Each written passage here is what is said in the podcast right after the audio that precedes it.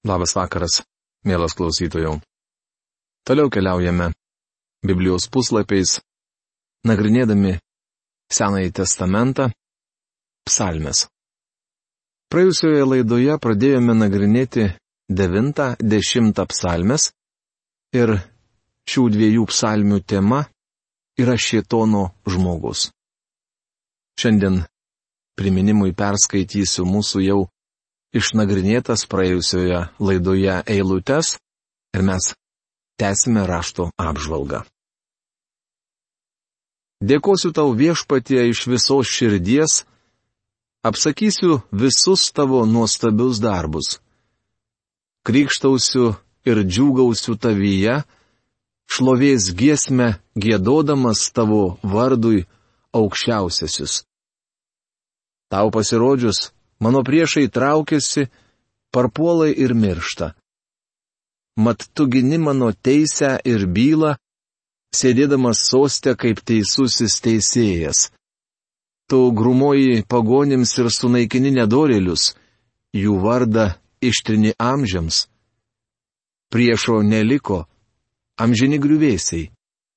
Tu sugrioviai jų miestus, dingo net jų vardai o viešpats lieka amžinai. Savo sostą jis pastatė teismui.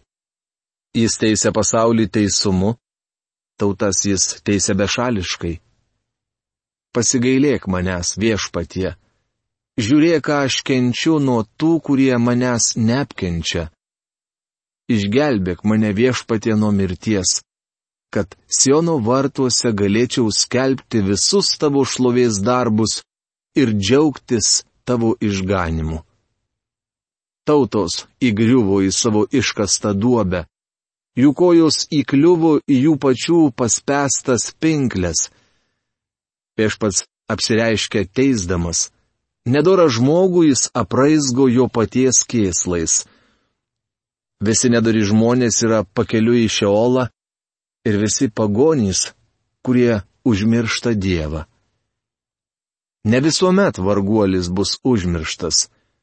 Ir skurdžiai ne visat praras viltį.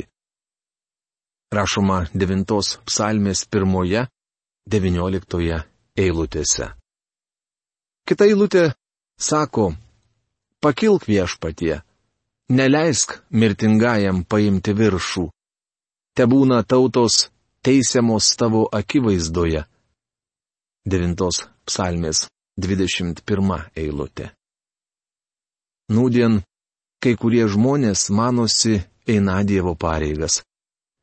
Prisiminkite, kad trumpoje šios psalmės dedikacijoje yra žodžiai mirtis sūnui. Jei sūnumi laikysite galijotą ar faraoną, jie abu laikomi antikristo provaizdžiais.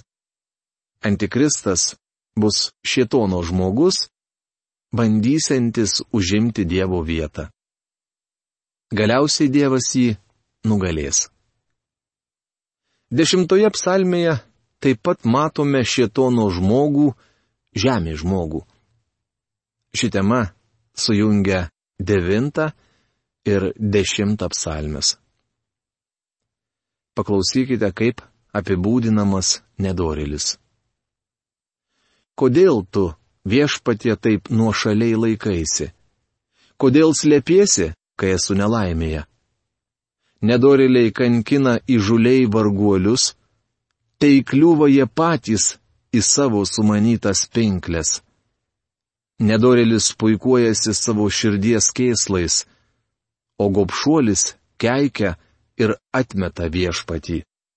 Dešimtos psalmės pirma trečia eilutės. Šiuose eilutėse paminėtos dvi nedorelių ypatybės - įžulumas ir puikybė. Norite žinoti, kas šio pasaulio nedoreliai? Tai tie, kurių širdys kupinos didybės. Šios žemės tariamieji didieji. Jie puikuojasi savimi, nes jų gyvenime nėra vietos Dievui. Nežinau kaip jums, bet man didelio įspūdžio nedaro politikai, ir valstybių vadovai, kurie nuolat giriasi, jog išspręs pasaulio problemas. Šie žmonės man primena Izaijo žodžius apie kalną, kuris kentėjo gimdymo skausmus ir pagimdė pelytę. Jie giriasi, kad nuvers kalnus. Tačiau nieko rimto nenuveikia. Šiuose eilutėse vaizduojami nedorieji ir nedorilis. Antikristas. Netikras mesijas. Jis apibūdinamas kaip garbėtroška išpuikelis. Iniršęs iš įžulumo nedorilis sako, atsiskaityti jis nešauks. Anat jo širdies kėslų, Dievo nėra. Dešimtos psalmės ketvirta eilutė. Anot jo širdies kėslų, Dievo nėra. Antikristas bus ateistas. Pirmieji ateistai pasaulio istorijoje pasirodė Dovido laikais. Pradžioje neegzistavo ateistų, nes žmonės buvo per daug arti apreiškimo ištakų. Pagaliau, juk Nojus pažinojo vyrą, kuris pažinojo Adomą. Būdamas taip arti sukūrimo, negali neikti Dievo egzistavimo. Kai Dievas davė dešimt įsakymų, ne vienas iš jų nebuvo nukreiptas prieš ateizmą, tačiau net du prieš politeizmą. Pirmasis įsakymas byloja. Neturėsi kitų dievų, tik tai mane. Antrasis skamba taip. Nedirbsi savo drožinio, nei jokio paveikslo, panašaus į tai, kas yra aukštai danguje, čia, žemėje ir vandenyse po žemę. Rašoma išėjimo knygos 20 skyriaus 3-4 eilutėse. Net du iš dešimties įsakymų buvo nukreipti prieš politeizmą, bet ne vieno prieš ateizmą, nes tuo metu ateistų nebuvo. Tačiau Dovydas ateizmą paminės net keletą kartų.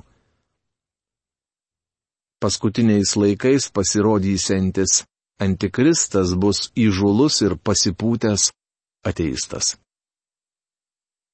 Nedoreliui visada gerai klojasi.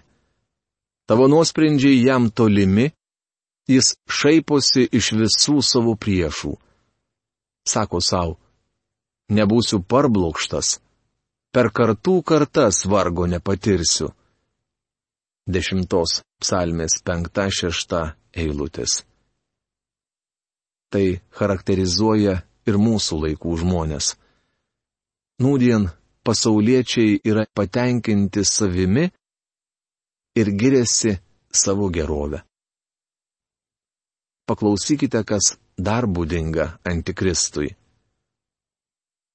Kodėl nedorelis turėtų tyčiotis iš Dievo ir širdyje sakyti, atsiskaityti tu nešauksi. Dešimtos psalmės trylikta eilutė. Maža to, kad jis netiki Dievu, bet dar jį ir niekina. Nelogiška niekinti tą, kuris neegzistuoja. Be abejo, tik tas, kuris egzistuoja, gali sukelti tokią neapykantą ir priešiškumą. Sakydamas, atsiskaityti tu nešauksi, jis tvirtina, jog teismo nėra.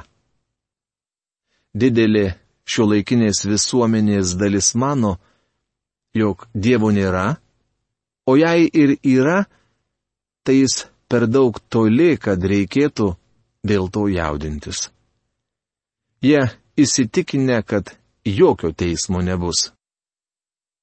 Bičiuli, tokia nuostata viską pateisins. Šią filosofiją paremtas judėjimas siekiantis panaikinti mirties ar bet kokią kitą bausmę, ir suteikti laisvę nusikaltėliams.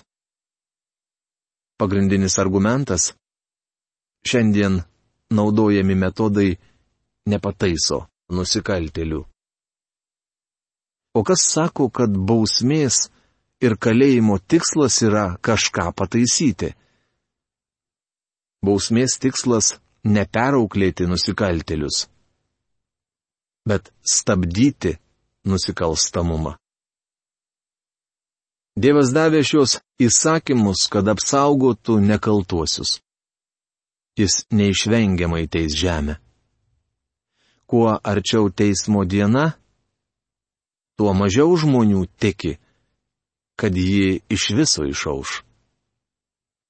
Dabar Dievas be ne nepopuliariausias asmuo pasaulyje. Kodėl? Todėl, kad valdžia nedorėlių rankose. Artėjame prie paskutiniųjų dienų, kai savo nuodėmėmis žmonės prisišauks nuodėmė žmogų antikristą. Viešpats karalius per amžių amžius. Pagonys išnyks iš jo krašto. Viešpatie, tu išgirsi skriaudžiamųjų troškimą, paguosi jų širdį pakreipsi į juos savo ausį.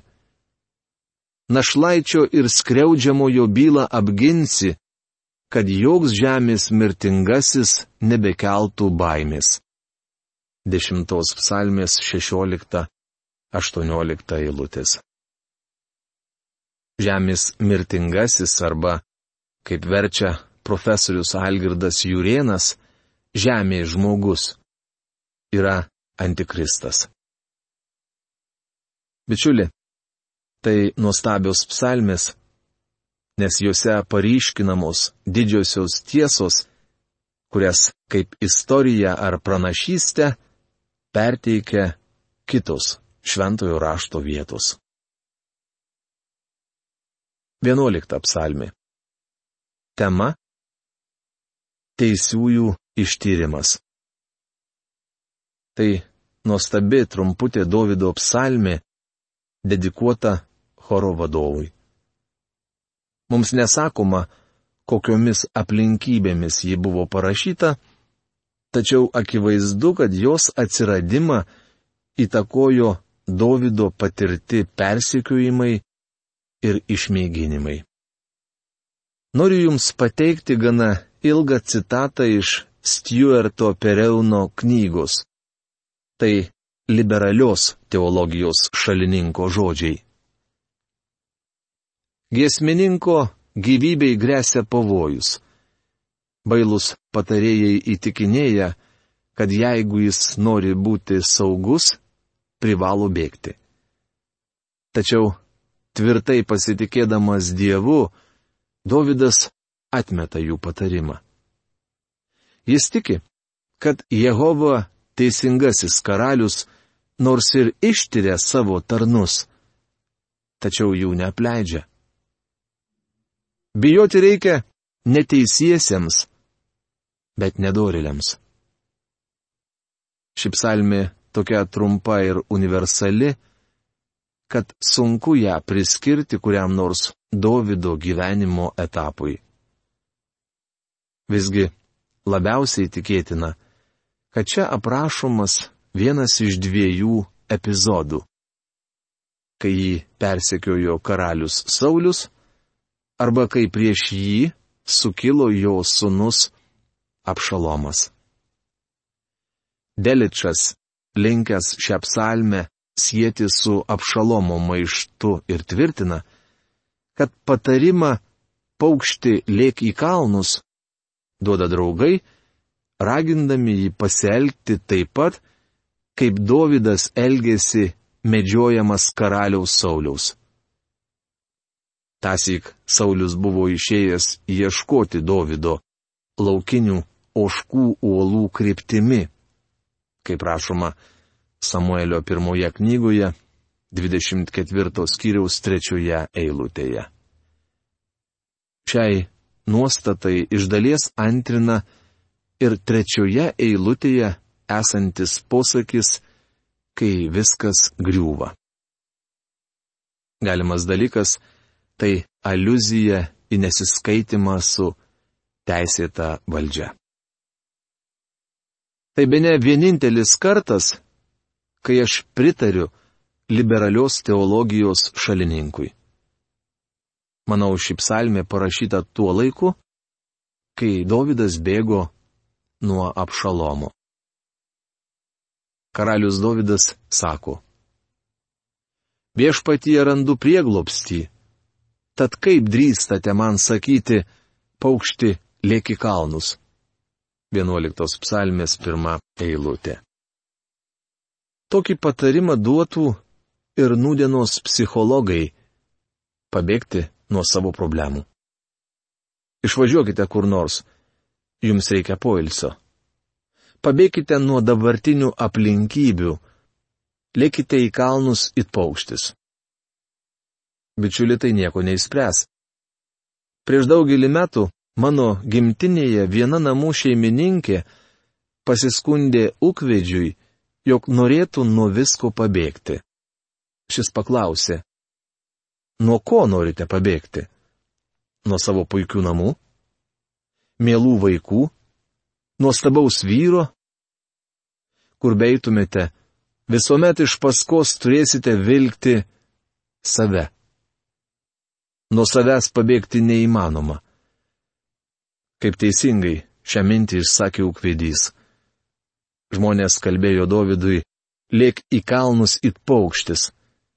Tačiau tai negalėjo išspręsti jo problemų. Kiekvienam iš mūsų be galo nuobodu septynias valandas sėdėti automobilyje ir važiuoti greitkeliu. Skristi lėktuvu tikras malonumas. Tačiau kai tenka dažnai skraidyti, ir tai nusibosta. Būnant aukštai danguje nelabai kas matosi ir nelabai yra ką veikti.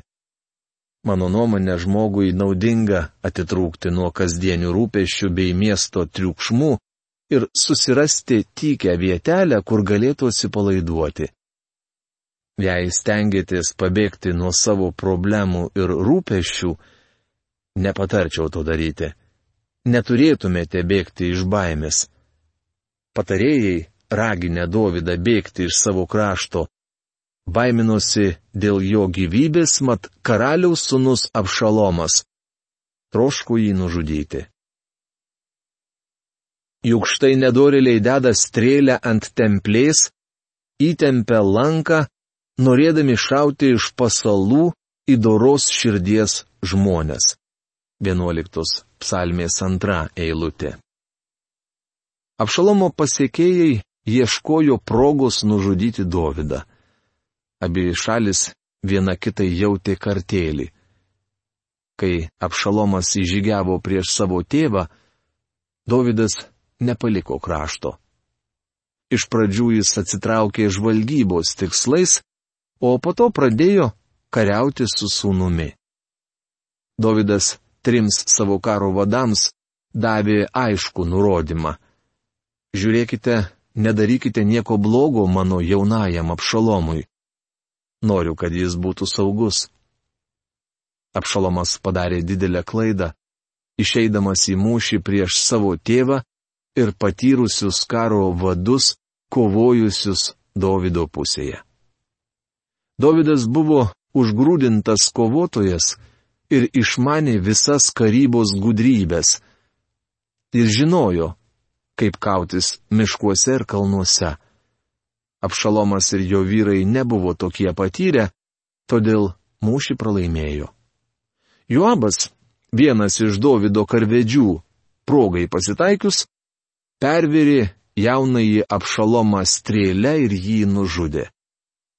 Abi stovyklos jautė viena kitai priešiškumą. Sūnaus mirtis pakirto Davido širdį. Nemanau, kad jis kada nors visiškai būtų atsigavęs po šio smūgio. Kai Apšalomas bandė perimti valdžią, Davidas pabėgo iš Jeruzalės.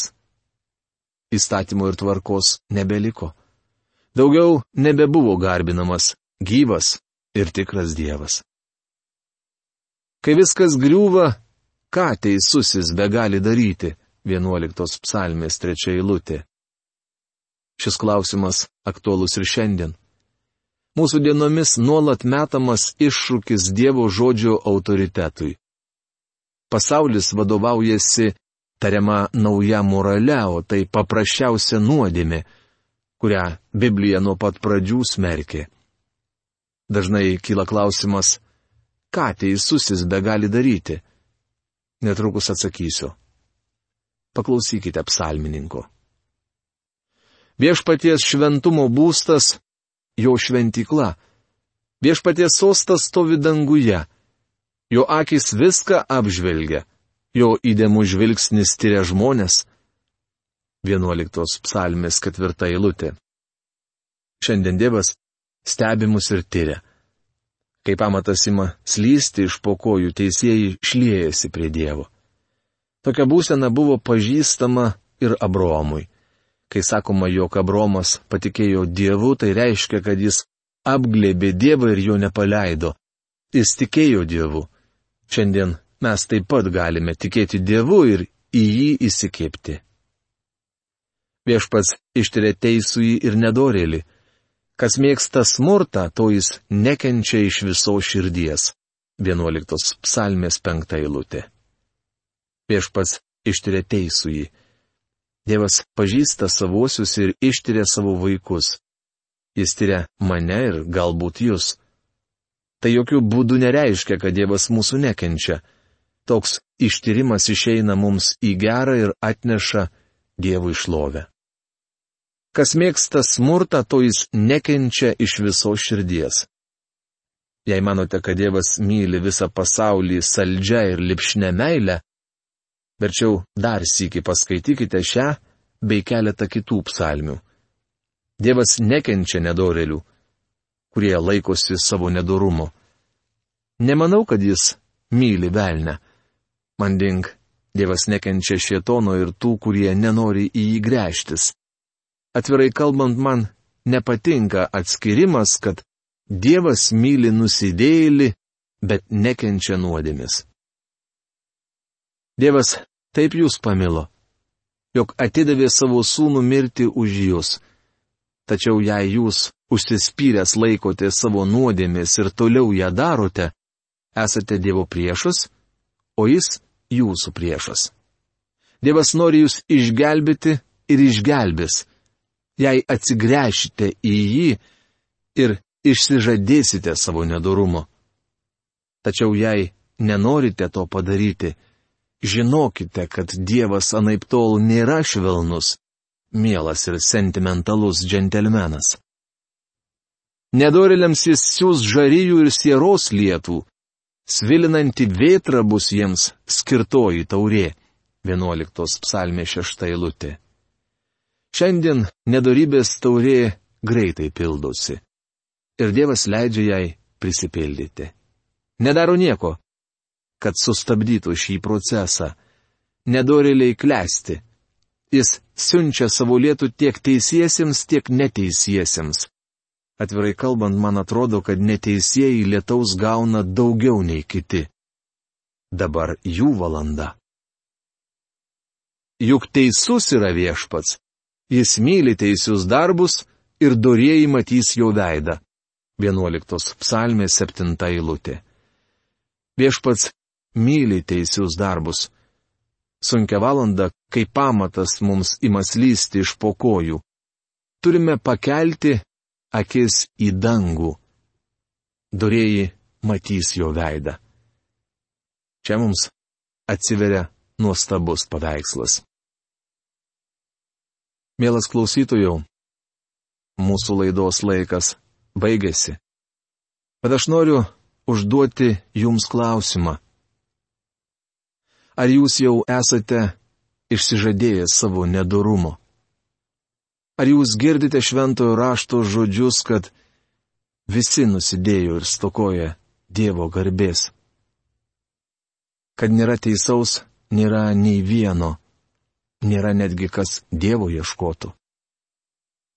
Jis mus surado. Ar jūs suprantate tą žinę? Ar jį pasiekė jūsų širdies gelmes ir atgimdė Dievo žodžiu.